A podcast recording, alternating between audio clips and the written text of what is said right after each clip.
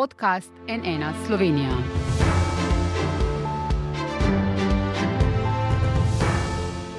Dobro dan. Le še nekaj ur nas loči do začetka volilnega molka pred nedeljskim prvim krogom predsedniških volitev in to je zadnje soočenje na N1.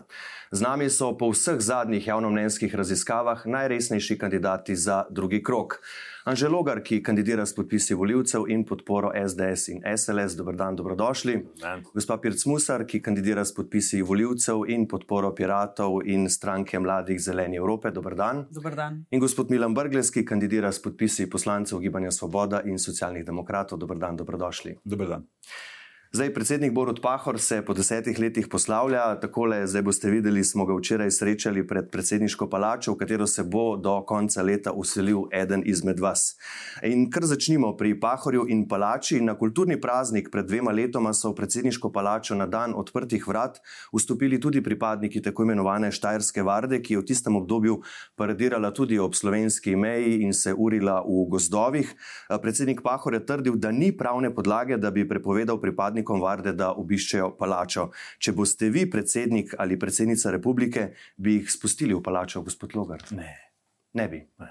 Tudi če bi vam v vašem uradu rekli, da pač ni nobene pravne, formalne podlage za to, da, da jim pač odrečete vstop. Tudi v tem primeru. ne, jaz glede obiska bi na dan odprtih vrat sprejemal vse, ki pač želijo ta obisk, drugače pa glede tega sem zelo decidiran, da je- mora biti nek red in da predsednik republike vendarle je odgovoren za to, koga sprejema. Uh -huh. Gospod Pirc Musar? Tudi jaz jih zagotovo ne bi sprejela. Za čisto vse pravne podlage, seveda, ni najti v zakonih, to bi bilo eh, Sizifovo delo za zakonodajalce.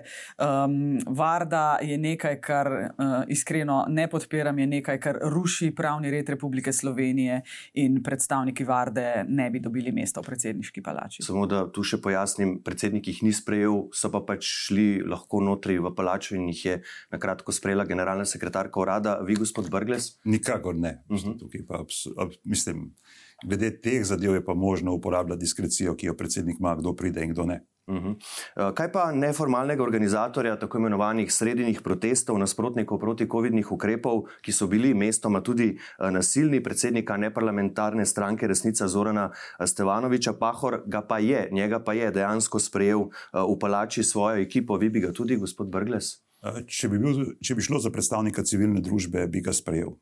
Pa po vaši oceni je gospod Zoran Stevanovič predstavnik civilne Ma, družbe ali ne? Glede na to, da so bili tisti protesti pr- nasilni, mislim, da bi dvakrat premislil, preden bi kaj tazga naredil, ampak mislim, da ga ne bi v tem primeru. Uh -huh. Gospa Pirc Musar?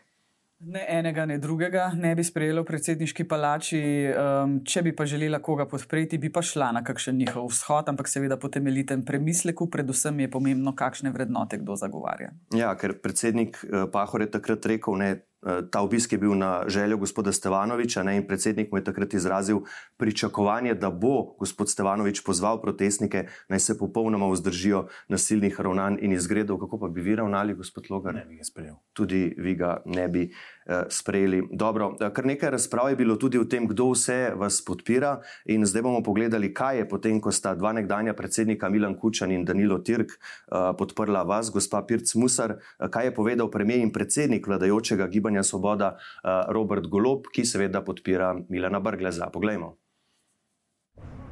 Včasih se človek vpraša, ali narobe razume svet. Če je ena od stvari, ki smo se je naučili v preteklih šestih mesecih ali pa letu dni, ta, da takrat, ko razbijamo levo sredino, pripeljemo na oblast avtoritarce. Jaz sem mislil, da je to sporočilo bilo konzumirano in razumljeno od vseh.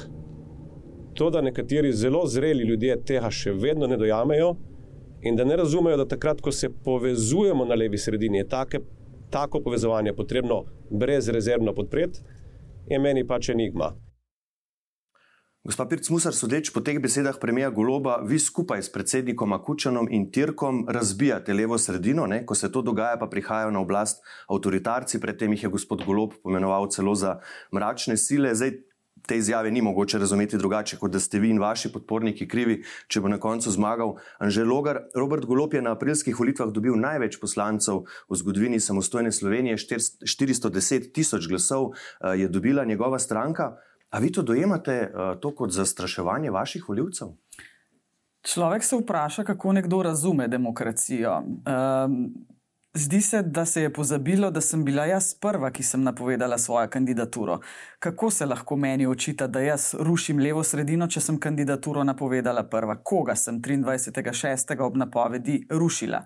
Tudi jaz sem leva sredina, res pa je, da sem neodvisna kandidatka in da nimam strankarskega nahrbnika. Razumem, da predsednik vlade želi storiti vse, da bi dal podporo njegovemu kandidatu. To lahko sprejmem, razumem, ne razumem pa njegovih ostrih besed o avtoritarnosti rušenju. Ne na zadnje sta me oba nekdanja predsednika podprla kot samostojni fizični osebi, ne kot strankarska človeka. In še enkrat lahko povdarim, da sem samo neizmerno vesela, da me oba vidita kot dostojno naslednico v predsedniški palači. Gospod Brgles, vi ste ob tej izjavi stali zraven, šlo je za vaš dogodek, ne nekako finalna izražena podpora strani uh, obeh predsednikov strank, ki vas uh, podpirata. Uh, je torej gospa Pircmusar kriva, če bo na koncu zmagal Žalogar?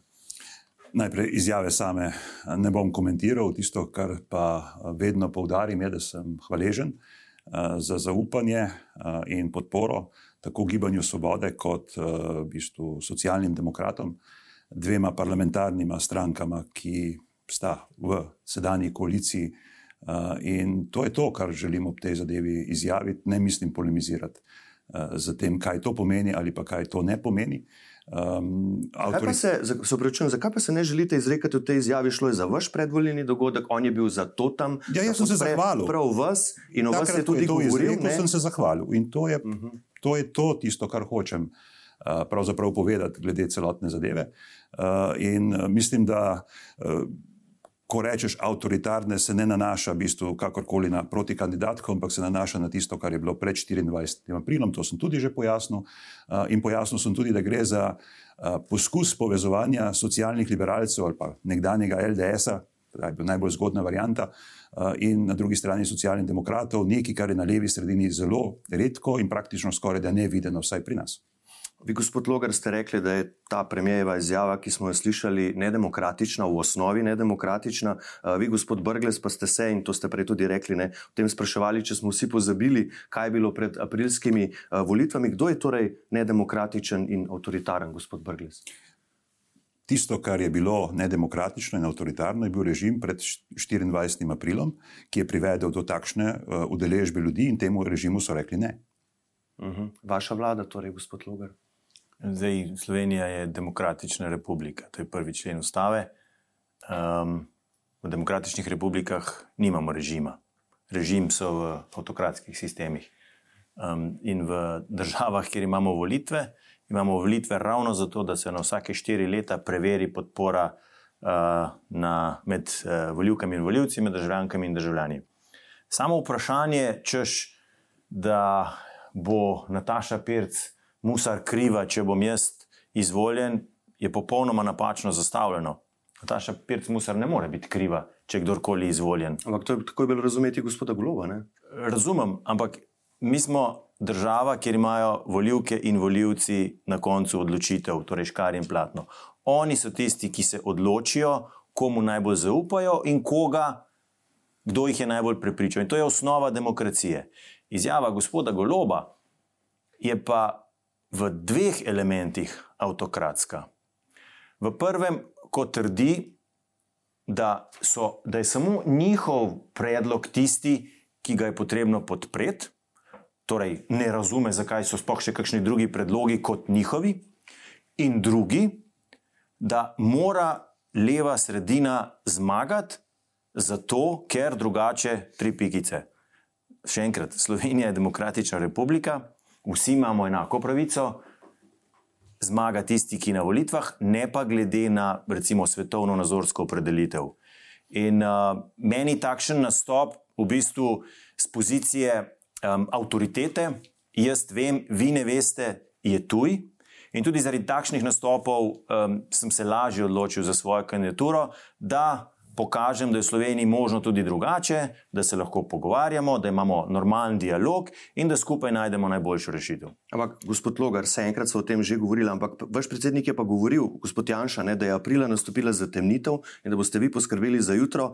Ta teden pa se je posmehljivo obregnil ob golobovo izjavo o mračnih silah z besedami, da bodo za redukcije elektrike in energetsko draginjo krive mračne sile, zdaj veste. Konec citata. Zdaj, vi ste še vedno predsednik sveta SDS in na tistem odsoočenju, kjer smo se o tem pogovarjali, ste mi rekli, da boste poskrbeli za jutro, ne glede na to, eh, ali kdo to od vas pričakuje. Vi očitno, tako kot Janša, v tem, da so aprila ljudje izglasovali spremembe, ne, da so rekli ne vaši vladi, vidite zatemnitev, a to pa ni avtokratsko. Zakaj mislite, da vidim zatemnitev? Jaz vidim porast na volitvah in zmaga nekega drugega bloka. Ja, no, ampak rekli ste, da boste poskrbeli za jutro, torej očitno je neka zatemnitev. Uh, to pa jutro, zato ker bom pripeljal dialog kot osrednjo vrednoto političnega udestovanja na predsedniški funkciji. To je tudi moja zaveza na koncu koncev. To je vizija, za katero stojim in sem oblikoval tudi svoj program pod motom Sodelujmo za prihodnost. Mhm. Ste želeli, gospod Pirc? Ja, bi rada samo dodala, da to, kar je govoril predsednik vlade, da mora zmagati leva sredina, jaz njegovo izjavo razumem kot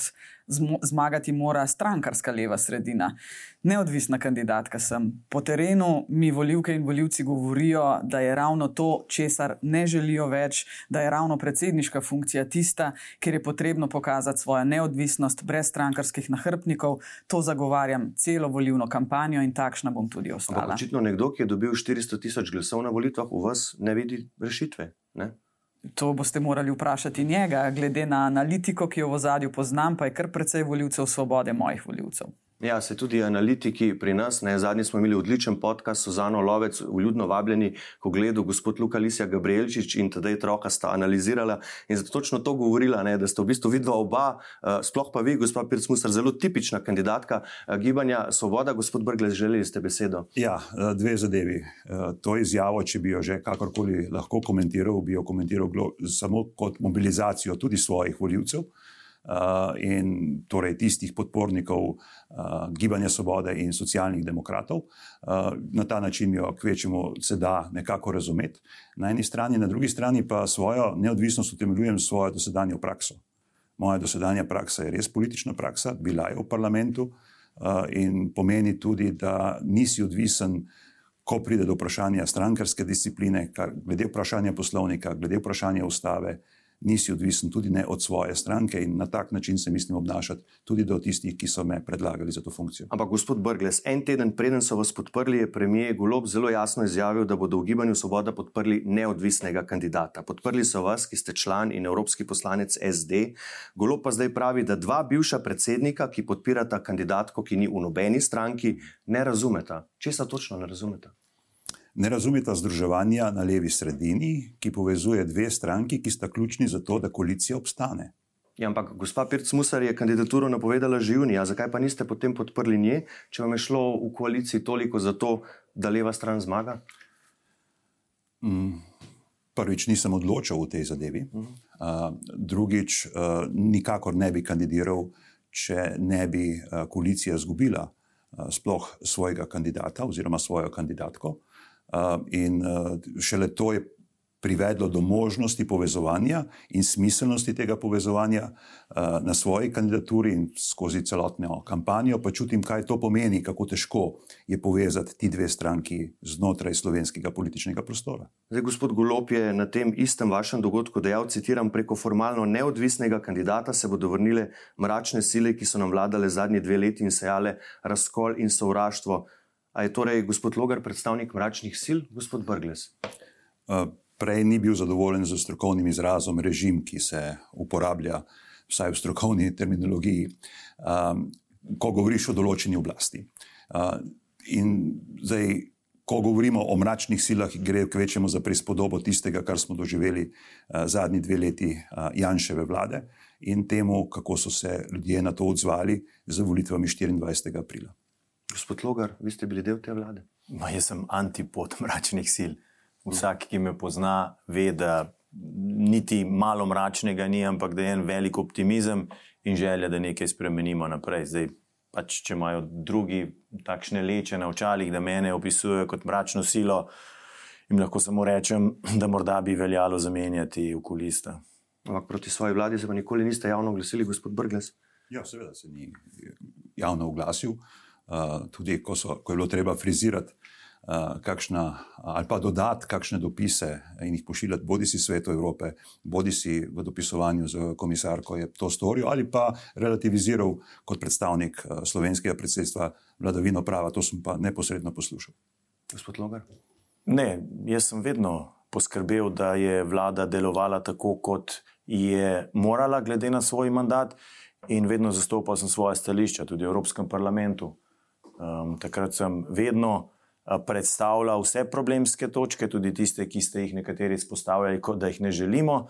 In na koncu, kot sem dejal, so vedno priznali ta napor, vsi iz vseh političnih strank, uh, in izrekli podporo slovenskemu delovanju.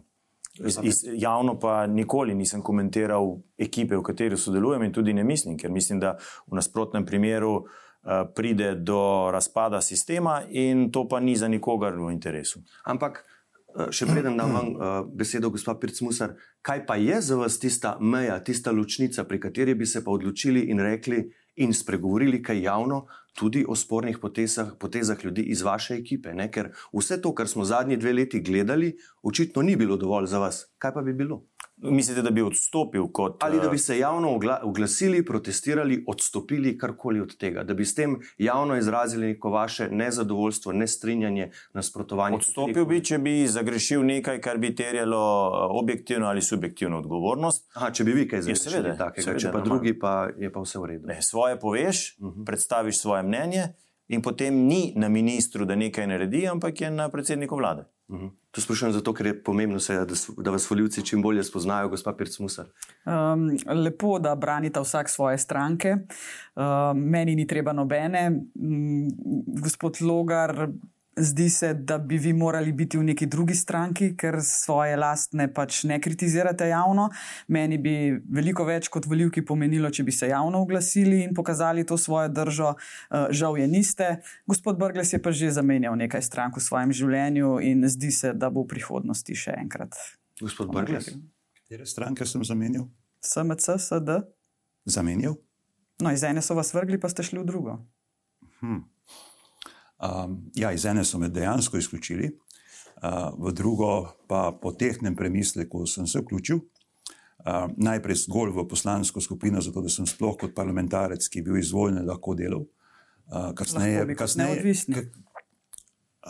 ne moreš delati kot neodvisni, ker ne moreš delati na ravni odborov. To je še en dokaz tega, da ne razumete, kaj je v slovenski politiki dejansko pomembno in kaj ne, če hoče nekdo upraviti svoje parlamentarno delo. Ne razumete, gospod Pircmus? Uh, me veseli, da takšne politike ne razumem, je niti ne sprejemam in je nočem razumeti, želim si drugačne politike.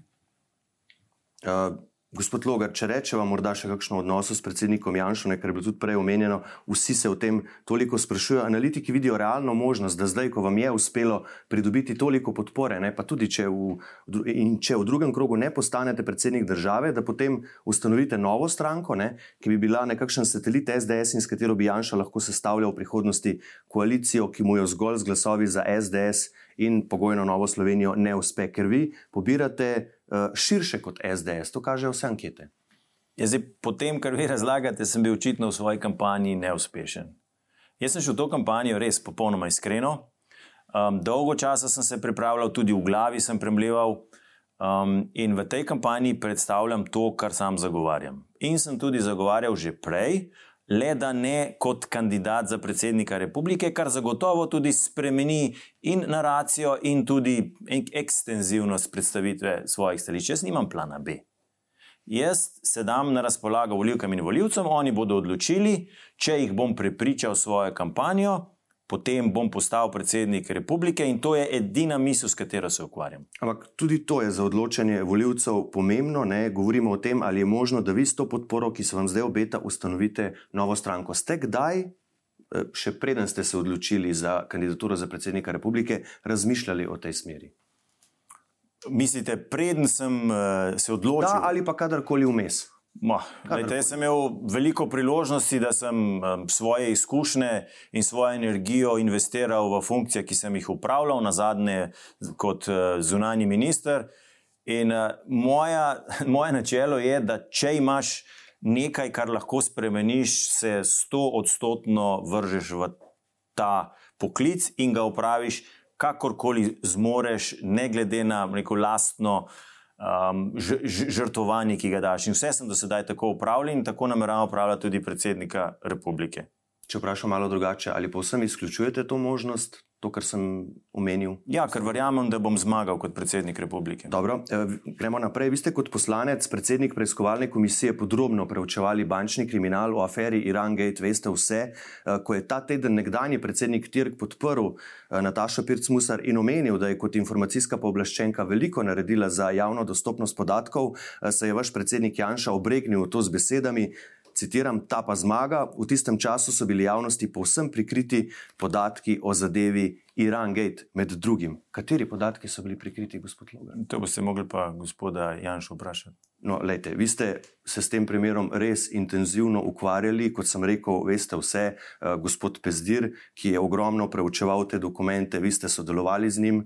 Tudi jaz sem jih vračal. Da, ja. ste, ampak ste takrat dobili občutek, da je gospa Pirc Musar kot informacijska pooblaščenka javnosti karkoli prikrila. Jaz z gospod Pirc Musar nisem imel nič v okviru te preiskovalne komisije, imel sem pa kar en velik duel z preiskovalno sodnico Dešo Cener, to pa sem imel. Da, da, in, spomnim in, se, ja, to, dokler nisem sedemkrat, sedemkrat na sedmih novinarskih konferencah omenil njeno ime, toliko časa nismo dobili teh dokumentov. Šele potem je na nek način. Um, gospa sodnica eh, ugotovila, da zakon o parlamentarni preiskavi vendarle omogoča pristop do teh dokumentov. O čem pa potem gospod Janša govori? Se pravi, rekel... da se pogovarjate z njim, verjetno veste, na kaj je mislil ali ne veste. Ne, ne vem.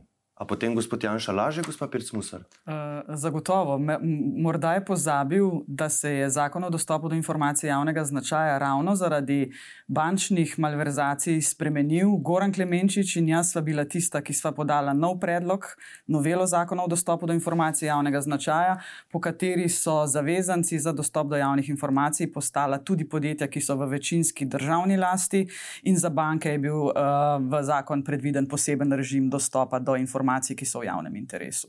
Ampak to je bilo šele kasneje v zakonu Drži. o bančništvu. Drži. To je bilo potem, ko je preiskovalna komisija že pridobila te dokumente, da pa se lažje v naslednjih morebitnih bančnih luknjah pridobi to dokumentacijo, torej da ne greš sedem mesecev boja tja do ustavnega sodišča, ker mi smo morali do ustavnega sodišča um, je to zapisano že v zakonu o bančništvu. In tudi sam sem prispeval svoj del k tej spremembi in glasoval za to spremembo zakona o bančništvu. To ima zdaj tu prav, gospod Janša ali gospod Pirc Musar? Ja, v tem primeru ima gospod Pirc Musar. Uh -huh. uh, bomo šli naprej. Uh, dogajanje na RTV je alarmantno, javni servis je izjemno pomemben za demokracijo v državi, je kot opozarjajo zaposleni politično prevzet. Uh, Uroš Urbanija, direktor vladnega urada za komuniciranje, za komuniciranje v času vaše vlade, gospod Logar, je zdaj direktor televizije Slovenija. Ksenija Koren, nekdanja PR-ovka Jane Zajanše v času druge vlade, je zdaj urednica v informativnem programu, pa se sploh ni prijavila na to delovno mesto, ampak na MMC, ker ni dobila niti glasu podpore. To sta samo dva primera. 38 od stavkajočih zaposlenih je zato, ker so svojim kolegom izrazili podporo v studiu, dobilo opomin pred odpovedjo delovnega uh, razmerja. To stanje se bo zagotovo nadaljevalo tudi, ko bo nekdo od vas že predsednik republike. Kaj boste naredili v zvezi s tem in kdo je za to odgovoren, gospod Pirc Musar? Stanje na radiju televiziji Slovenija zelo, zelo težko spremljam. Bila sem del te ekipe šest let, dobesedno trpim z njimi. Um, velika pričakovanja sem tudi sama osebno dala na vlado gospoda Goloba, namreč brez ustreznega zakona se. Uh, razmer ne da urediti. Kaj boste vi kot predsednica? Uh, mislim, da sem enkrat že javno povedala, kje je ta vlada imela premalo poguma. Uh, bom razložila en manever res na kratko. Spomnili se boste, mislim, da je to zdaj leto in pol nazaj, ko je programski svet radio televizije uh, razpisal, nov, dal ven nov razpis za generalnega direktorja. Radio televizija Slovenija ni bila brez generalnega uh, direktorja, gospod Vatmu Grah, Grah je sedel uh, na tem stolu. Uh, sprejeli so, po mojem mnenju, nezakonit sklep. In potem je uh, gospod Grah se prijavil na ta razpis, kaj se je v ozadju tega seveda zgodilo. zgodilo se je to, da je danes mandat gospoda Graha pet let in pol in ne štiri leta in pol, in s tem manevrom smo pokrili tudi manjko izkušenj vodenja v velikih sistemih, ker bo zdaj mirno lahko rekel, da je leto in pol vodenja pač te izkušnje pridobil. Da, ampak Tisti, to je vse znano, kaj, kaj bi vi naredili? To... Zdaj, kot predsednica, ne, težko kaj. Zagotovo bi se v tem primeru, seveda, javno oglasila, povedala za ta primer. Rešitev, ki sem jo jaz takrat videla, je v tem, da tisti člani programskega sveta, ki so bili imenovani v državnem zboru, so v državnem zboru lahko tudi razrešeni. 18 jih je. Kolikor poznam podatke, jih je 90 odstotkov od teh glasovalo za nezakonit sklep. In takrat, seveda, državni zbor ni naredil tega koraka, pa bi ga, po mojem mnenju, lahko. Ja, nekako v koaliciji uh, niso upali uh, iti v to. Gospod Brgles, kaj bi vi naredili? Kot predsednik uh, Republike Slovenije bi v takem primeru najprej uh, podprl uh, stavkajoče. Tukaj, to je najbolj kratkoročna zadeva, ki je.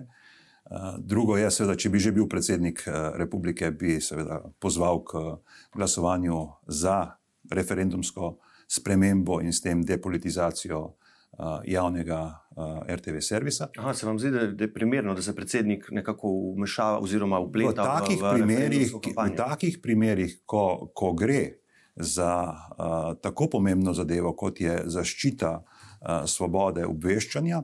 Uh, ko gre za vprašanje tudi človekovih pravic, menim, da je primerno, Uh, in to, to, pri tem mislim ustrajati pri vseh uh, zadevah, ki bodo to zaslužile, in kadar pravzaprav, uh, dajmo reči, ali zakonodajni del ali pa izvršni del mogoče ne bi želel uh, s, storiti vsega, kar bi znotraj svojih pristojnosti lahko. Je pa res, da je včasih, uh, in to je pač ta uh, razlika, uh, da je včasih mogoče tudi v ozadju, torej v ozadju politike, z poznavanjem politike pri nas pomagati temu zakonodajnemu delu, da mogoče nekaj takšnega, kar je uh, prej uh, gospa Pirc Musar izpostavila kot možnost, dejansko realizira. Ker so postopkovne možnosti, da se nekaj takšnega naredi. Sam si znam predstavljati, kot bivši predsednik državnega zbora, na kakšen način je to možno narediti in kakšna so tveganja ob tem. Eh, in eh, seveda eh, je tukaj možno deliti izkušnje tudi s tistimi, ki sedaj nekako nadzorujejo poslovnik in njegovo izvajanje v državnem zboru. Gospod Logar, vi ste že rekli, da so razmere na RTV slabe in da se zauzemate za sodelovanje in dialog. Nekateri so to razumeli, kot da bi Putinu in Zelenskemu rekli, da se malo pogovorita in zmenita. Ali res mislite, da se stvari urejajo tako, da se k dialogu poziva napadalca in napadenega? No, ampak če primerjate, oziroma če vzamete primerjavo, da naj se Putin in Zelenski zmenite, se to preko celotnega, eh, preko celotne predvolilne kampanje v javnih soočenjih poslušamo. Da, da, o tem bomo še v nadaljevanju govorili, ampak zdaj za ta konkreten primer uh, eh, RTV jaz sprašujem to. Predsednik republike nima nikakršne pristojnosti se upletati v medije. In jaz si ne dovolim tega luksusa, da bi kot predsednik republike posegel v to razpravo, kar lahko kot predsednik republike poziva obe sprti strani, da se usedeta, da sta za dialog in da si prisluhnete ter najdete rešitev v dobro javnega servisa. Da, ampak gospod Logar, ti, ki zdaj prevzemajo RTV, so vaši nekdani sodelavci. Ne bili so Moji, vaši od njih. Kako bili ste skupaj v vladi z gospodom Urbanijo? Mislim, on je bil pač direktor UKOM-a. Ja, ampak direktor UKOM-a, direktor UKOM-a je UKOM v zveri generalnega sekretarjata in predsednika vlade. Ministr zunanje zadeve je imel svojo službo za odnose z javnostmi. Ampak še enkrat, ne, to sem tudi že povedal, vi se nikoli niste javno oglasili, niti ko je vlada mrcvarila STA in ste torej to stanje, ki je zdaj na RTV na nek način dopustili. Gospa Pirc-Musar, vi ste že pred leti rekli, da je bila SD tista, ki vas je zrušila z mesta generalne direktorice RTV Slovenija, ne pa SDS. To ste potem ponovili še lani za delo. Citiram: Visoki predstavniki te stranke so govorili, da Nataša Pirc-Musar ne posluša in jo je zato treba zrušiti, kar so tudi storili. Konec citata. Na zadnje ste na Pop TV povedali, da je bil nekdani predsednik programskega sveta Jrnej Pikalo tisti visoki predstavnik SD, ki je to izrekel. Uh, gospod Brgles, vi ste član in kandidat te stranke, verjamete, gospod Pircmusar, če da ali to ravnanje, eh, početje vaše stranke obsojate? Najprej se zelo težko opredelim do nekih konkretnih zadev, z konkretnimi osebami, za katere Ampak na načelni ravni na, na načelni ravni bi takšna izjava bila povsem deplasirana, uh -huh. nepotrebna.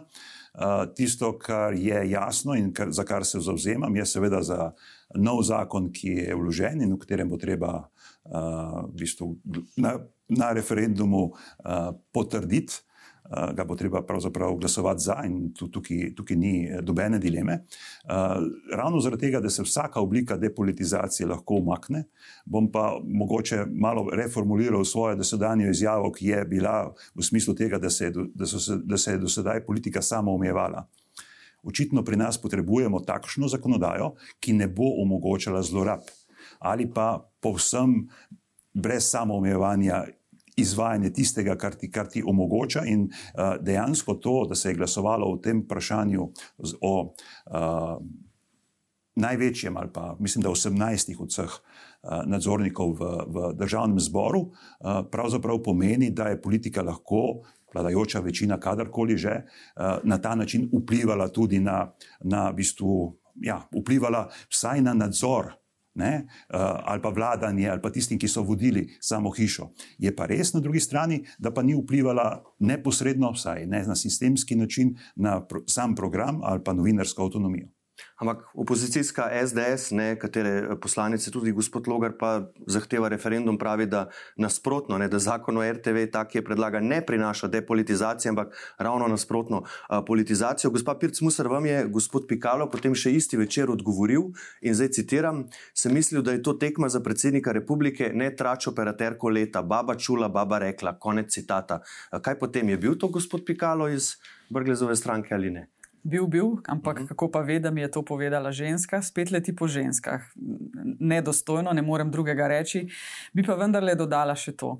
Sprememba zakona o RTV gre, po mojem mnenju, v pravo smer. Čim manj politizirati programski svet, verjetno idealne rešitve ni. Uh, lahko pa povem še eno stvar. Um, ja, SD je takrat uh, bil skupaj v koaliciji z SDS-om, ko se je meni ruš, mene rušilo. Ampak bila sem neskončno vesela. Edina, ki se mi je osebno upravičila, je bila gospa Tanja Fajon. In zatrdila mi je, da uh, bo ona kot predsednica stranke naredila vse, da se kaj takšnega, kar je SD počel v preteklosti na javni radio televiziji pod njenim vodstvom, ne bo več dogajalo. Zdaj ste Nimam... ravno kar rekli, da sta bila SD in SDS v koaliciji, takrat ste za delo rekli, da je bil SD in ne SDS tisti, ki vas je zrušil. Tu samo ja, ja, ja. opozarjam na doslednost. Ne, ne, lahko razložim. Izjav želite. Uh, Ni neposredno, da. lahko razložim. Na kratko, prosim. Brez glasov SD-ja mene ne bi razrešili oziroma razveljavili sklep. SDS je bil vse skozi proti. Aha. Skupaj z glasovi SD-ja je potem ta razrešitev oziroma razveljavitev sklepa bila možna. Ampak glede na to, kar pravi gospa Pirc-Musar, gospod Brgles, a je potem tudi, tudi vaša stranka soodgovorna za to posredno, za kar se zdaj dogaja, eh, to, kar se zdaj dogaja na RTV? Ja, mislim, da je soodgovorna celotna politika, ki je dopustila od 2-5 uh, po eni strani uh, sprejem takšne zakonodaje, in po drugi strani, da ni spremenila te zakonodaje, ki je omogočila pretiran poseg ali pa pretiran vpliv državnega zbora na to, kaj se na javni radio televiziji dogaja. Uh, in ta predlog, ki je sedaj na mizi, je vsekakor boljši, omogoča depolitizacijo, nikoli ničesar ne bo mogla popolnoma odpraviti, ampak v primerjavi s tistim, kar je bilo, je vsekakor boljši.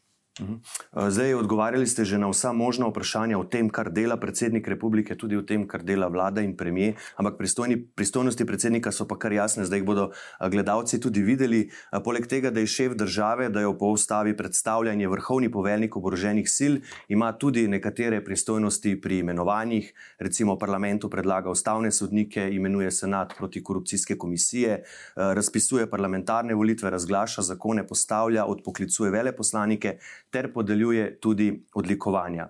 Zdaj, nekatera odlikovanja so precej razburila, da nimo, ko je predsednik Pahor aprila 2019 odlikoval ameriškega kongresnika slovenskega rodu Paula Gosarja, prejel je zlati red za zasluge, kar je v bistvu najvišje državno odlikovanje, ki ga lahko uh, Slovenija podeli nekemu tujemu državljanu. Gosar ga je prejel za krepitev slovensko-ameriškega prijateljstva. Je pa ta kongresnik skrajni desničar, zagret borec proti splavu in proti večjemu nadzoru orožja, ozmerjal je celo papeža Frančiška in kot edini bojkotiral uh, njegov nagovor v kongresu. Vi bi ga odlikovali, gospod Logar? Enkrat je bil že odlikovan, drugič ga ne bi. No, ampak zdaj govorimo o hipotetični situaciji, če bi se tudi pri vas, pred vami, znašel predlog za odlikovanje takšnega človeka, kaj bi storili, o tem se pogovarjamo. Če bi gledal iz današnje perspektive in uh, tako, kot je ravnal v teh zadnjih časih, ko sem ga spremljal, ga ne bi. Ne vem pa, kako je bilo leta 2019, tega pa ne vem, ker niti ne vidim predloga. Ja, njegova stališča so bila že takrat glede splava, glede nadzora orožja, tudi uh, glede papeža Frančiška, to vse je bilo že prej. Tudi 2015 je že bojkotiral njegov nagovor, tako da to je bilo vse znano, gospod Pirc Musar. Ne bom komentirala tega, kako so nekdani predsedniki odlikovali koga ali zakaj koga niso. Um, vem, kakšne so moje vrednote. Odlikovanja bodo z mojih rok dobili tisti, ki bodo zagovarjali točne, točno takšne kot jaz. Vladavino prava, temeljne človekove pravice, pravno državo. Skratka, tisti bodo na vrhu mojega seznama za odlikovanja. Kaj pa gospod Gosar, vendarle je pač njegov oče slovenec, torej je uh, nekako ima slovenske korenine. Me... Nedvomno je prispeval k krepitvi uh, odnosov med ZDA in Slovenijo, ampak. Mrzikdo lahko krepi odnose med državami, ampak če ne zagovarja vrednot, ki so evropske, ki so demokratične, takšen človek iz mojih rok odlikovanja ne bo dobil. Gospod Brgles? Ne bi ga odlikoval. Uh, ustavni red naš je ključen, tudi kadar gre za tujega državljana, kakršnega koli že rodu. Uh, so vrednote, ki so tukaj noter zajete, tiste, ki uh, determinirajo to, komu ja in komu ne. Uh, odlikovanje, ker konec koncev je odlikovanje lahko tudi diskrecijska pravica predsednika v takem primeru. A še koga ne bi odlikovali, ki je do zdaj prejel odlikovanje, gospod Brgles? Nisem razmišljal, lahko me vprašate za konkretni primer, pa vam bom odgovoril. Uh -huh. uh, bomo potem v nadaljevanju, gospod Pirc Musar. Kolikor vem, je bilo od osamosvojitve Slovenije naprej podeljenih okrog 1100 odlikovanj. Na Združenju ONA ve smo naredili analizo, koliko od tega je bilo žensk. Mislim, da manj kot 7 odstotkov. To je pa tisto, kar me pa zelo, zelo uh, skrbi in žalosti. Zagotovo so med nami marsikatere ženske, ki bi si odlikovanje uh, zaslužile in posebno pozornost, ko bom predsednica, bom posvetila tudi ženskam, ki znajo in zmorejo. Je in si kdo, zaslužijo odlikovanje. Je kdo doslej, ki ga vi ne bi odlikovali, gospod Logar? Jaz mislim, da je bilo veliko ljudi pravično in pravilno nagrajenih, zagotovo pa ne bi odlikoval gospoda Ertla. Aha, torej, primer, ko je Danilo Tirk imenoval gospoda Tomaža Ertla, on je prejel odlikovanje zaradi svojih zaslug med akcijo Sever, ne, in potem je zaradi tega odlikovanja vaša stranka skupaj z SLS proti predsedniku Tirku uložila uh, ustavno obtožbo. Gospod Pircmusar, Danilo Tirk je vaš podpornik, vi bi gospoda Ertla odlikovali? Težko rečem, ne vem točno, zakaj je gospod Ertel odlikovanje dobil. Rekli ste za Združenje Sever. Da, da, zaradi zaslug med akcijo Sever. Spomnimo, da je bil zadnji republiški sekretar za notranje zadeve, eh, preden se je pač eh, Slovenija osamosvojila. Tudi tu bi mi bile pomembne vrednote. Ni dovolj zgolj to, da je nekdo deloval v Združenju Sever, pomembno je, kakšne vrednote živi in jih je uh, javno uh, dajal na ogled javnosti. Gospod Brgles? Ne bi. Vi ne bi odlikovali? Ne bi. Ne bi. Preprost razlog. Uh, uh -huh. uh, tako odlikovanje lahko preveč deli družbo in to, to lahko predvidiš naprej. Uh, in v takih primerih uh, je dobro premisliti in tudi uporabiti diskrecijo pri tem. Se pa absolutno strinjam s tem, da je treba enakost spolov uh, uvesti tudi na raven odlikovanj, vseh imenovanj in tako naprej. Tukaj je pa, mislim, da je to ena od tistih zadev, uh, o kateri se pa moramo v tej uh, naši družbi strinjati. Uhum. Ima pa predsednik tudi možnost, da kadarkoli na lastno željo nagovori državni zbor. Povejte, prosim, eno situacijo v zadnjih letih, ko bi nagovorili državni zbor, gospod Logan. Jaz bi bistveno prej nagovoril, recimo, uh, ko je nastopila epidemija, to bi zagotovo nagovoril državni zbor. Potem bi nagovoril, um, takoj ko smo leta 2020 dobili od NATO opozorilo, da slovenska vojska predstavlja v kolektivni obrambi grožnjo, ne pa dejavnik kolektivne varnosti. Uh, in morda, no, zaenkrat mi pade to na, na pamet. Uh -huh. Gospa Pirc Musar. Sama bi zagotovo nagovorila državni zbor ob poplavi vladanja z odloki. Najbolj sem se kot državljanka zgrozila takrat, ko je predstavnik uh, SDS-a povedal, da ni vedel, da je treba uh, čeprav odloke objavljati v uradnem listu. To je Da bil notranji minister Aleš Hojs. Mislim, da je bil gospod Da. Hojs, ne, da je menil, da je dovolj na spletni strani. Veste, takrat me je pa resnično zaskrbelo, koliko ministri in poslanci poznajo osnove vladavine prava, osnove ustavnega prava in takrat bi se nedvomno, nedvomno oglasili. Poleg tega primera bi se gotovo oglasil tudi v primeru zakona o tujcih, uh -huh. kjer je šlo za eklatantno kršitev in bi takšen nagovor uh, takrat meni kot predsedniku državnega zbora pomenil ne samo moralno podporo, ampak najverjetneje še kaj več. Mhm. Te dni so gladovno stavkali v centru za tujce v Postojni, pravijo, da niso kriminalci, pa so jih vseeno zaprli. Smo ljudje, ne pa živali, da bi nas imeli tako zaprte, so pripovedovali. Če bi bili predsednik ali predsednica države, ali bi kaj naredili, oziroma kaj bi naredili, gospod Pirc Musar? Um, kolikor vem, gre za 12 migrantov, nekaj številke, da ne bom no, na pamet. Uh, najbolj sem pogrešala kakšno aktivnost varuha človekovih pravic. Uh -huh. V takem primeru bi zagotovo šla do gospoda Petra Svetine, da se skupaj pogovoriva, za kakšne kršitve gre, če sploh, mislim, koliko je razbrati gre za kršitve. In mislim, da je varuh človekovih pravic tisti v prvi vrsti, ki bi moral na to odreagirati. Uh, dejansko pa seveda.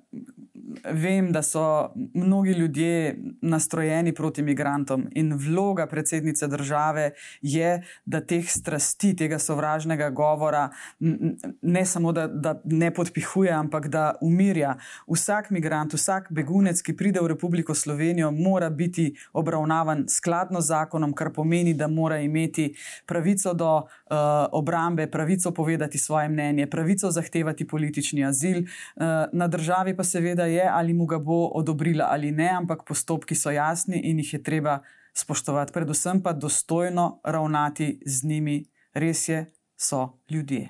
Vi ste celo rekli, da bi varuha človekovih pravic kar napokali v avto in se z njim peljali uh, v center za tujce, gospod Logar. Kaj bi pa vi naredili? Težko zdaj le, karkoli rečem. Jaz bi predlagal mojim svetovalcem, da pripravijo podrobno poročilo in na podlagi tega bi se odločil. Zagotovo bi pa vsaj po telefonu govoril z varuhem človekovih pravic. Uh Mhm. -huh. Ma, mislim, da noben od nas ne bi mogel brez varuha karkoli ukrepati. In res bi bilo najprimerneje iti z njim, ker ima edino on pristojnost, da na terenu pogleda vse. Uh -huh. Predsednik nima, predsednik ima pa lahko pristojnost, ja, pomirjanje ljudi, to, to se strinjam, uh, ker se spomnim, v bistvu, da je.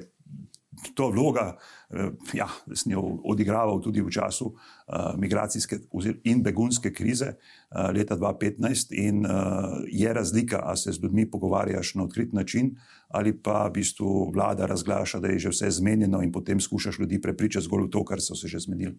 Predsednik Janez Danovšek je šel konec leta 2006 v Ambrus, krajani takrat bivalnih zabojnikov za romsko družino strojen niso spustili skozi.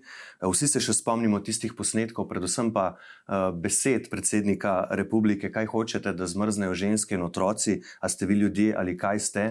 Bi vi ravnali enako, gospod Brgles? Absolutno. Uh -huh. Gospod Pirc Musar. Tudi jaz in ta del obraza predsednika Drnovška ob koncu njegovega mandata mi je bil bistveno bolj všeč kot tisti bolj hladen na začetku njegove kariere. Gospod Logar. Ne, ne bi ravnal enako. Ne bi, kako pa bi? Ne, jaz bi lotil se iskanja sistemske rešitve, ne pa konkretno na teh. Mislim pa, da je treba ljudem, ki pač zmrzujejo, pomagati, ampak hkrati se pa tudi treba zavedati problematike, ki je. Če greste proti Črnomnu, leva in desna stran ceste, imate rahlo drugačen um, dialog. Vse to je predsednik želel, ne? šel je med ljudi, želel je, želel je med Rome, se seznaniti s situacijo, vsaj tako sem jaz razumela. No.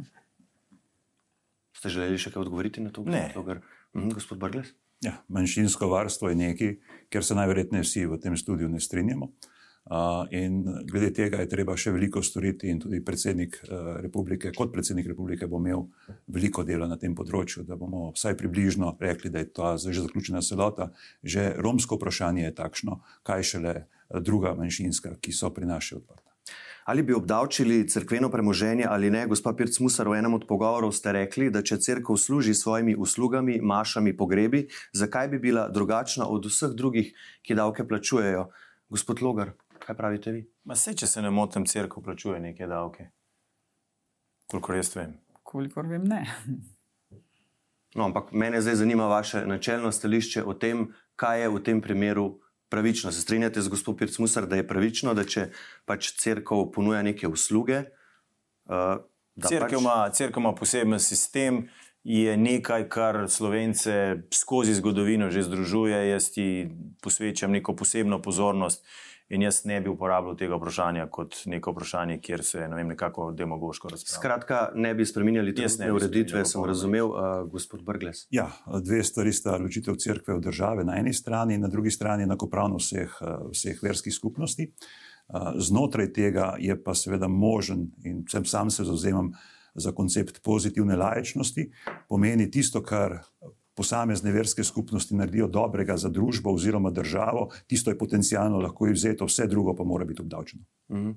Če gremo še k predlogom za imenovanje zadnji pahorjev predlog za ustavnega sodnika oziroma sodnico, je Neža Kogovšek Šalamon, doktorica prava, vodila je Mirovni inštitut, potem je šla delati k zagovorniku načela enakosti, doktorirala je iz izbrisa, izbrisana je kot pravna svetovalka, spremljala tudi na Evropskem sodišču za človekove pravice, ukvarja se veliko z diskriminacijo, rasizmom, migracijami, azilnim pravom.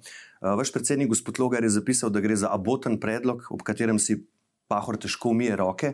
Bi jo vi predlagali za ustavno sodišče? Ne, med trojico predlaganih je bil boljši kandidat. Kdo pa? Gospod Zidar. Uh -huh. Lahko naredite to? Z njim sem delal tudi na Ministrstvu za zunanje zadeve in mislim, da ima tak širok pogled in da bi bil pravi za ustavnega sodnika. Govorimo o gospodu Andražu Zidarju, uh, gospa Pirc Musar. Zagotovo bi podprla Nežo Kogovšek Šalamun. To je točno tisto, kar jaz želim, da ustavni sodnik ima v sebi. Absolutno mora verjeti v ustavne pravice, v evropske vrednote, temeljne človekove pravice. Neža Kogovšek Šalamun se s temi pravicami uh, marginalcev ukvarja že celo življenje in s svojim znanjem bo zelo, zelo veliko doprinesla sestavi uh, uh, ustavnega sodišča gospod Brgles? Tudi sam bi jo podprl, tukaj ni dobenega dvoma, med ostalim tudi zaradi tega, da vsaj tukaj pridemo do nekega bolj uravnoteženega spolno obravnavanega oziroma spolne. Spolnega razmerja, razmerja obeh spolov na samem ustavnem sodišču.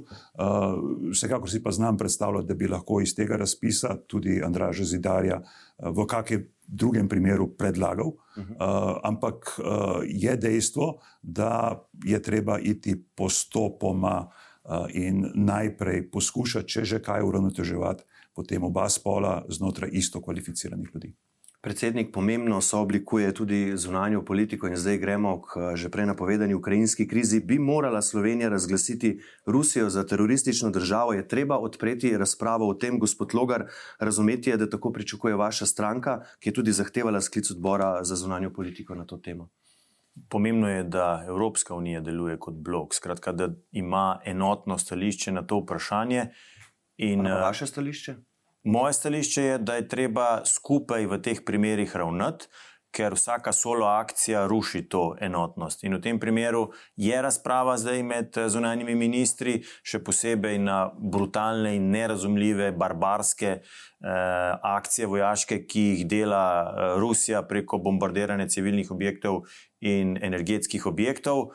Uh, tako da priznam, da se seznam teh dejanj kopiči v smeri uh, da bo enkrat to vprašanje tudi kulminiralo do tam, ko se bo treba odločiti. In se nagibate k temu, tako vas razumeti, gospod Pirc Musar, kaj pa vi? Če kaj, bom kot predsednica zagotovo skrbela za to, da bodo mnenja med zunanjim ministrstvom, vlado in parlamentom in na koncu predsednice republike popolnoma usklajena. Ne smemo si privoščiti, da bi predsednik vlade v tujini govoril eno, predsednik države pa drugo. Sama verjamem v Evropsko unijo, sama verjamem v jedrno Evropo in tudi tu bi se seveda um, pridružila in posvetovala z uh, državami članicami Evropske unije, seveda na svojem nivoju. Glede na to, kar Rusija uh, počne zdaj v zadnjem času. Moje mnenje poznate. Rusija je agresor, Rusija je eklatantno kršila vsa načela mednarodnega prava. Ta, to Rusija... Rusija... ponavljate, ampak zdaj se pogovarjamo o tej ja. konkretni stvari, ker gre tudi za simbolno sporočilo pomembno. Ne? Če se tako država pač razglasi za teroristično, razprave o tem po Evropi potekajo. Poligon za to je Organizacija Združenih narodov. Tam se odloča, katera država ima status agresorja. In ni veste definicije. En korak naprej je Organizacija Združenih narodov že naredila. Tam točno predsednik republike predstavlja Slovenijo. Namreč sprejeta je bila resolucija, da je Rusija z referendumom in priključitvijo uh, regij vzhodne Ukrajine k Rusiji eklatantno kršila mednarodno pravo. Žal ta resolucija seveda ni zavezujoča, ker uh, zavezujoče resolucije lahko sprejema samo Varnostni svet. Večkrat sem že upozorila na to težavo. Rusija je stalna članica Varnostnega sveta, se pravi ena petih držav, ki bi morala skrbeti za mir na svetu, pa tega seveda ne počne. In nekako tudi govorite o tem, da bi morale druge države poskrbeti za pritisk na njo, uh, vele sile, Indija, Kitajska in tako naprej. Gospod Brgles, kaj pa vi? Ja, tisto, kar je važno pri vseh teh razpravah, je tudi, da poskušamo odpravljati dvojne standarde znotraj mednarodnega prava in podobne ravnanja na podoben način ocenjujemo.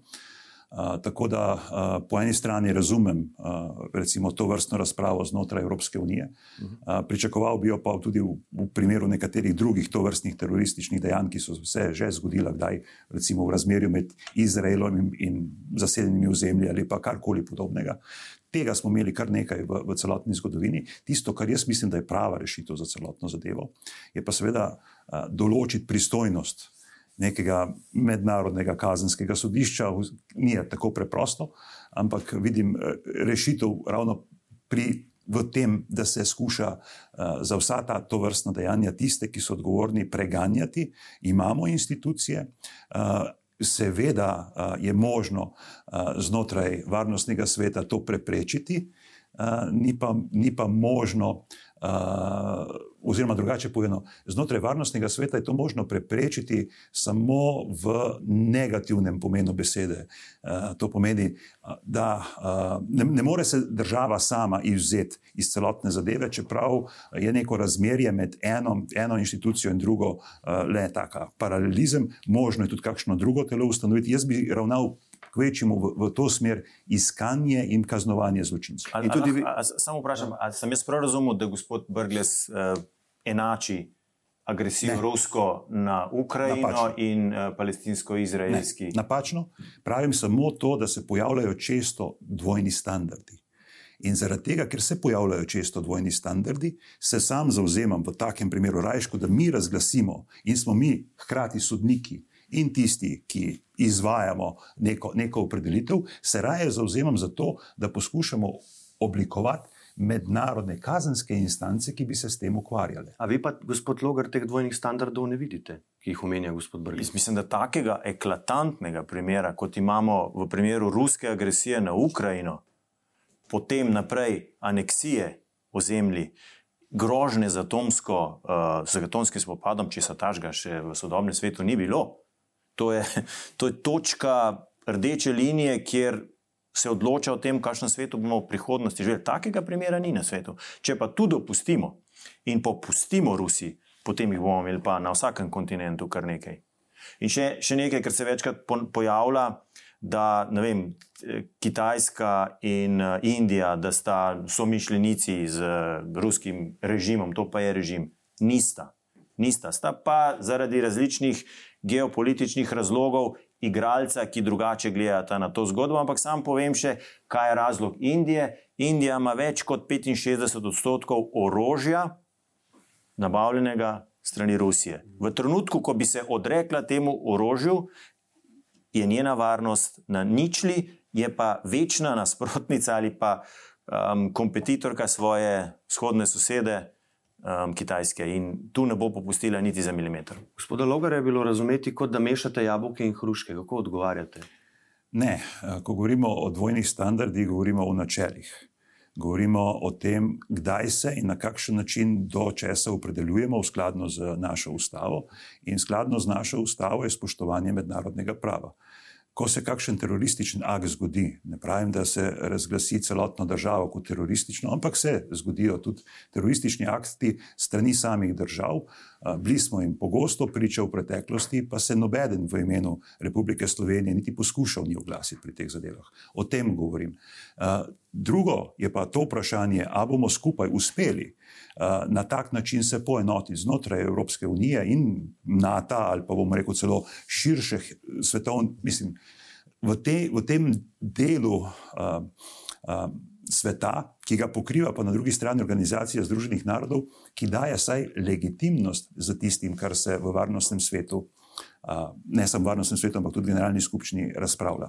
To pomeni, da če bomo hoteli priti do tega, bo legitimnost tak, takrat to vrstne evropske odločitve, ko bo podobno kot v primeru nesprejemljivosti tega, kar, so, kar, kar je Ruska federacija storila v zadnjem času po Krimu, praktično znotraj, znotraj, znotraj Ukrajine, kot ta rdeča črta, če hočete, ko bo to legitimnost, recimo, opredelila tudi resolucija uh, Generalne skupščine, podobnem primeru kot to. In uh, če gremo v to smer, potem ne vidim velikega problema. Tri resolucije sprejete.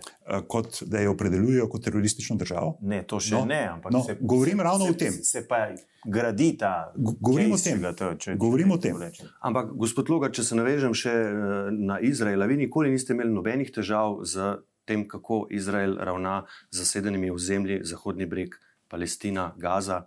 Jaz sem bil na obisku tako v Izraelu kot v uh, Ramali.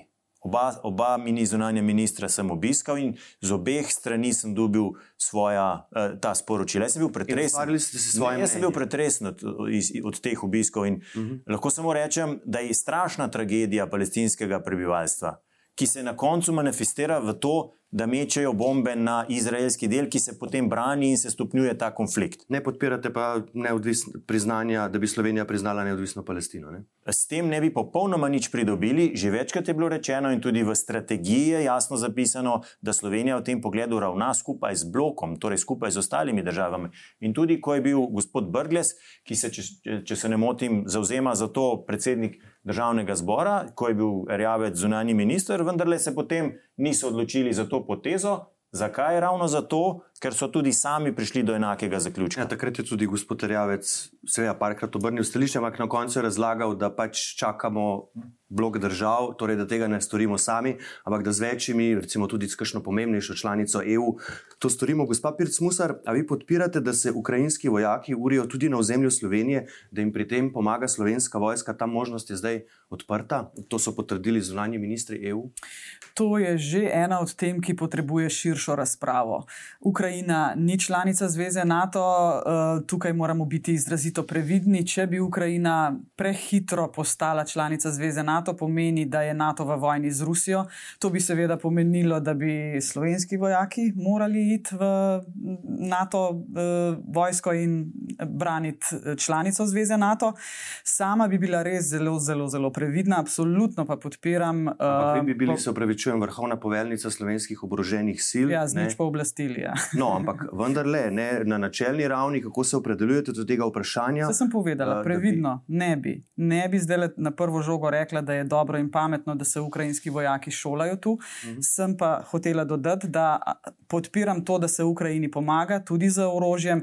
Namreč Ukrajina je država, ki je bila napadena, Ukrajina se je odločila, da se brani in povsem jasno je, kdo je tu agresor. Evropska unija je dolžna pomagati z orožjem in sankcijami. In verjemite mi, veliko prebiram kot vse kaže, sankcije vendarle delujejo. Žal tudi seveda na naši strani, ampak tu pa je Evropska unija močna, zna sprejeti ukrepe, ki bodo preprečili draginjo v Evropski uniji. Gospod Logar? Ja, dajte, tu kandidiramo za predsednika republike in treba biti konsistenten v stališčih. Ja. Gospa Pirc Musar je rekla prej, da morajo v tujini predsednik vlade, predsednik republike in zunanja ministrica govoriti z enim jezikom. Sej, zdaj, pa, rekla, zdaj, pa, zdaj pa govori Nataša Pirc-Mustir z drugim jezikom in z jezikom, ki je v bistvu nasprotju s tem, kar je Evropska unija že sprejela in kar je parlament že potrdil in kar je Tanja Fajon, zunanja ministrica, predstavila na svetu za zunanje zadeve. Torej, podpora temu, kako je sploh prišlo do tega predloga. To je, mislim, da osmi krok sankcij. Ko smo imeli razpravo na NATO, uh, tretji dan bombardiranja Kijeva in je bil uh, Dimitrij Kuleba, uh, zunani minister uh, Ukrajine, v nekem bunkerju, kjer je ropotalo in je, mre, in je bila povezava zelo slaba. In so vsi govorili, tako ali tako bo Ukrajina v nekaj dneh padla. Dajmo jim rusko orožje, ne pa sodobnega evropskega. Veste, kaj je rekel? Dajte nam pomagati, dajte nam sodobno evropsko orožje in šolajte naše oficire oziroma vojake, da bodo znali to uporabljati. Čez dva meseca, ko so bili vsi pre presenečeni, da je Ukrajina obstala, je Kuleba rekel: Kaj sem vam rekel tretji dan? Če bi nas takrat šolali, bi zdaj že dva meseca bili izšolani in bi že znali uporabljati to sodobno orožje, ki ga zdaj imajo, Himarse in podobno, zaradi katerega so tudi naredili razliko na bojiščih. In ta misija šolanja je ravno temu namenjena, da se ukrajinsko vojsko usposobi, da se sama brani z sodobnim evropskim orožjem. In ni res, ni res, da bi to pomenilo, da grejo naši fantje. Če Ukrajina postane članica NATO, v Ukrajino braniti Ukrajino. Sploh ne, ker. To nisem Ukra... To ste rekli. Ne, sem Ukrajina... rekel, da bi postali člani vojske NATO, In če bi, bi NATO rekel, v, v da je treba Ukrajino braniti, če bi postala članica, se temu služi kolektivna obramba. Ja, ampak v osnovnih aktih NATO piše, da država najprej reši vse težave, ki jih ima. Šele popolnoma ja. mirna država lahko vstopi v NATO. Torej, če danes lahko rečemo Se... samo, da še, še vedno stojimo za odločitvijo iz Bukarešte leta 2008, da ima Ukrajina NATO perspektivo, nič drugega. Samo to. Lahko odgovorite, gospod Pirsmusar, se... pravi, da niste konsistentni. Ne, ne sem konsistentna. Sem. Zagotovo to, kar sem večkrat povdarjala, kot predsednica ne bom solirala po svetu. Zagotovo ne, ker to je tisto, kar je pa najbolj pomemben, pomemben imperativ, usklajenost med slovensko uh, zunanjo politiko, torej zunanje ministrstvo, parlament, predsednica države. Tukaj vam govorim kot kandidatka. Nisem sodelovala v tej razpravi in jaz bi bila pri šolanju ukrajinskih vojakov previdna. To je vse, kar sem rekla. Gospod Če bo sprejeto, oziroma se je že bilo sprejeto, bi to seveda zagovarjala. Gospod Brgles, kaj pa vi? Bi pa želela sodelovati pri razpravi nad kakršnim koli dogovorom, bodi si znotraj naše politike, torej med našimi institucijami ali pa znotraj Evropske unije in NATO, kjer pravzaprav ne gre za prenašanje naših soverenih pravic in se ne izhaja iz tega, da bi mi morali karkoli obogati, je spoštovanje ustave. Iz tega izhodišča bi štartal tako v naši razpravi, kot pravzaprav v mednarodnem delovanju. Tukaj, glede ustave, pa ni popuščanja ne pri zunanjih zadevah, ne pri notranjih zadevah. Kaj pa to, kar sem vas vprašal? No, v takem, primeru, v takem primeru, kot je ta, bi kot predsednik ali preko svojega svetovalca ali pa neposredno skušal sodelovati pri razpravi in upozoriti na ustavne okvire, ki onemogočajo kakršno koli delovanje izven območja NATO brez ustrezne pravne podlage. In pravno podlago, žal, mislim, žal, stališča tistega, kar se zdaj dogaja, lahko daje zgolj in samo Varnostni svet Združenih narodov. Kaj pa urenje vojakov? Ja, ravno o tem. Predsednica vaše ja, stranke je rekla, da je to ravno odprla, o tem bi se bilo potrebno potem eh, dejansko. Eh, Pogovoriti v državnem zboru, če gremo preko tega, najti široko politično soglasje, ki, po mojem, mora preseči pridimo tudi do ustavne večine, če hočete, pri takšnem vprašanju, kot je to, in bi si zaslužilo takšno razpravo, ker to dejansko pomeni potencialno še višjo involviranost, kot je bila tista involviranost z pošiljanjem defenzivnega orožja. Eh, v Ukrajino, ker mislim, da absolutno je treba pomagati, da se branijo eh, in da znotraj tistih rdečih črt, ki jih je zarisala zdaj resolucija Generalne skupščine Združenih narodov, da znotraj tistih rdečih črt sodelujejo ali pa se uporablja to orožje za obrambo Ukrajine. Kaj pa bi rekli, da je FION napak ravnala? Tisto, kar sem povedal, je, da bi v takem primeru na ta način reagiral kot predsednik imamo predsednika Republike Slovenije in ta ni reagiral v tem primeru. Hvala lepa. Uh, verjamem, da so uh, vaši odgovori pomagali, da bo odločitev voljivk in voljivcev v nedeljo lažja. Hvala, spoštovani kandidati, gospod Milan Brgles, gospa Nataša Pircmusar in gospod Anželogar. Hvala za pozornost. Hvala. Hvala tudi vam. Hvala pa tudi vam za vašo pozornost. Vsa štiri soočanja pred prvim krogom in tudi vse druge predvoljene vsebine najdete na naši spletni strani nnainfo.si. Toplo priporočam ponovno tudi odlično analizo kampanje v podkastu z urednico Poglobljeno in tudi volilnih soočen Suzano Lovec. Bodite z nami tudi v nedeljo, ko se bomo ekipe NN po zaprtju volišč uživo oglašale iz vseh volilnih štabov. Za danes pa le še lepo zdrav in nasvidenje.